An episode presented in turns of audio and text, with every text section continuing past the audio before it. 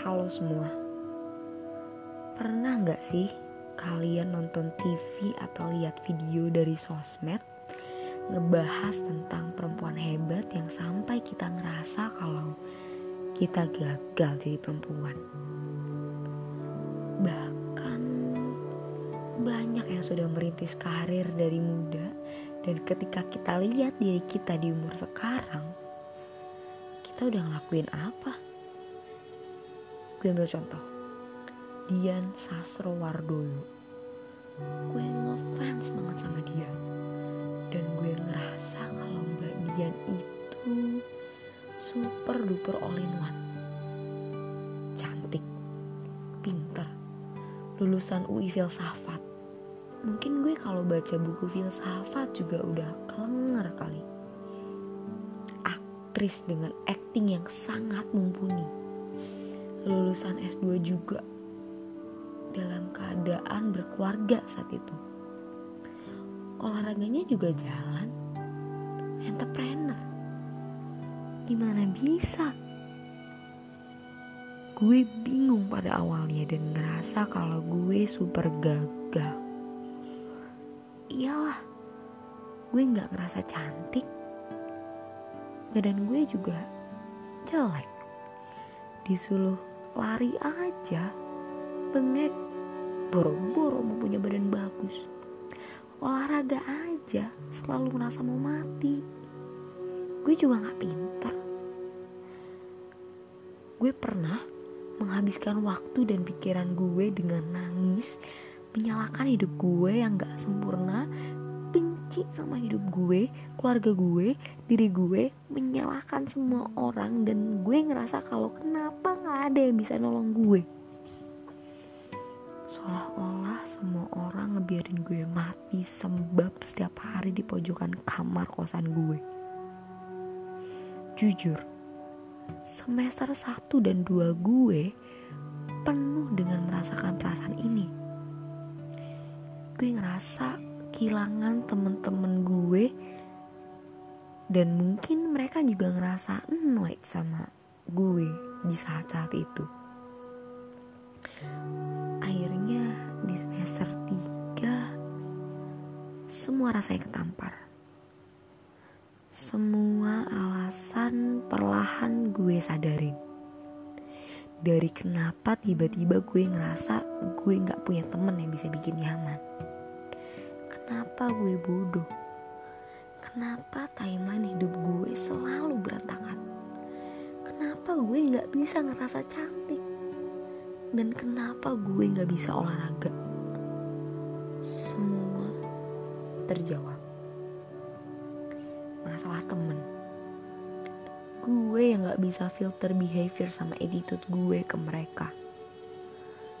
Bodoh gue kebanyakan mikirin kenapa gue bodoh dan menyalahkan keadaan dibanding gue bangkit dan belajar. Timeline hidup berantakan karena gue selalu procrastinating sama kerjaan dan tugas gue. Kenapa gue nggak bisa ngerasa cantik? Bukannya gue yang lebay sama standar kecantikan dan akhirnya gue riwa sendiri bukannya gue yang gak bisa ngerawat diri. Baju ke kampus suka berantakan. Kan jadi jelek. Masalah gak bisa olahraga. Siapa yang gak mau ngelatih diri secara konsisten? Semenjak semester 3 ini akhirnya gue bangkit. Gue mulai olahraga gue ke gym gue ke stadion gue mulai diet gue mulai belajar dan aktif di kelas walaupun cuma dikit. Gue mulai open sama orang. Gue mulai bikin target. Pokoknya berubah. Dan memang setelah berani bangkit gue masih harus dibantu sama orang-orang hebat yang baik yang ada dalam hidup gue. Buat mijakin kaki dan berdiri kuat Walaupun setelah itu tetap aja ada masalah hidup yang datang. Tapi bedanya gue lebih kuat. ada beberapa peningkatan di beberapa hal yang ternyata memang hasil dari usaha tersebut walaupun masih belum seberapa akhirnya gue research gue buka video wawancara talks apa pun itu dari perempuan-perempuan hebat. Dari Dian Sastrowardoyo dari Agnesmo, dari Najwa Sihab, dari Kak Amanda Margaret, dari teman gue Galuh yang punya podcast Metanoia yang suka gue upload di snapgram gue. Dan yang gue lihat pertama dari mereka adalah mereka pede banget dan super simple gak ribet. Gue sadar gue ribet sama penampilan gue sendiri yang akhirnya bikin gak nyaman. Tapi walaupun itu reduce sendirinya tapi yang paling penting yang gue sadarin adalah pede dan simple is better at least for myself. Dan banyak banget ternyata yang bisa gue petik dari interview dan talks teman-teman dan atau mbak-mbak hebat tapi yang paling pengen gue highlight adalah beliau ternyata adalah pekerja keras dan goals oriented.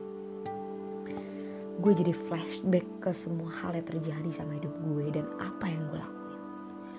Ternyata gue sering kali waktunya habis cuma gara-gara ngerasain dan mikirin skenario buruk yang sebenarnya belum tentu terjadi dalam hidup gue.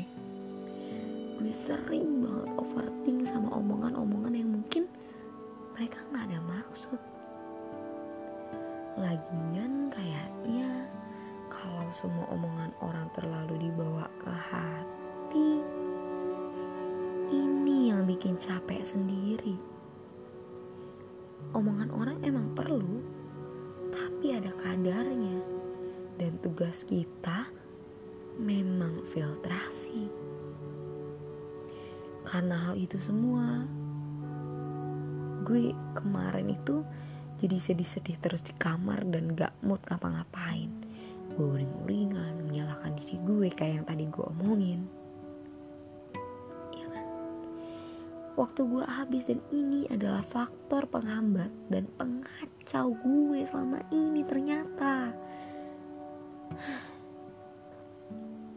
semenjak gue sadar akan hal ini everything feel so easier.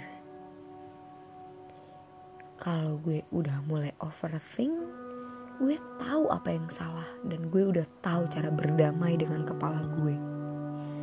Gue juga akhirnya sering baca buku self improvement atau nyari artikel tentang self improvement dan cara nge-tackle masalah mental. Gue mulai research tentang gimana caranya think clearly manage waktu dan banyak demi diri gue sendiri supaya gue lebih berguna buat diri gue sendiri dan lingkungan gue. Ini ternyata yang bikin mereka hebat.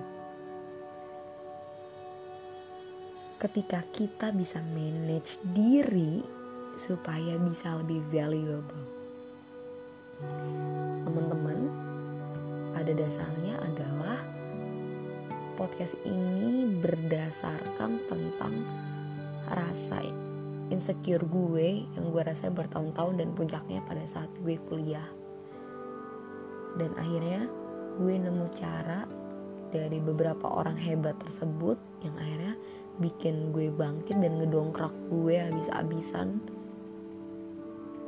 biar gue bisa lebih bermakna.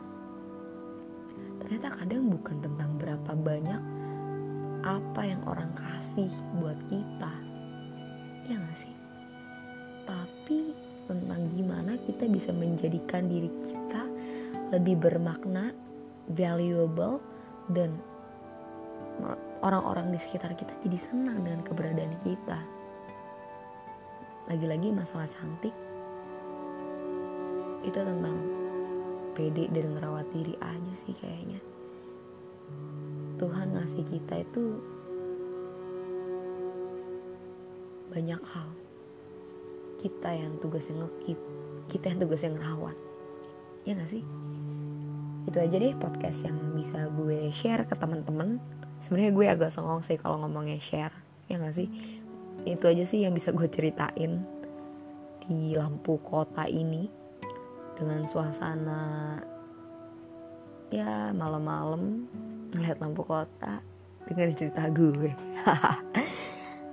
Semoga kita sama-sama kuat dalam menjalani hari ya. Dadah, selamat bertemu di episode selanjutnya.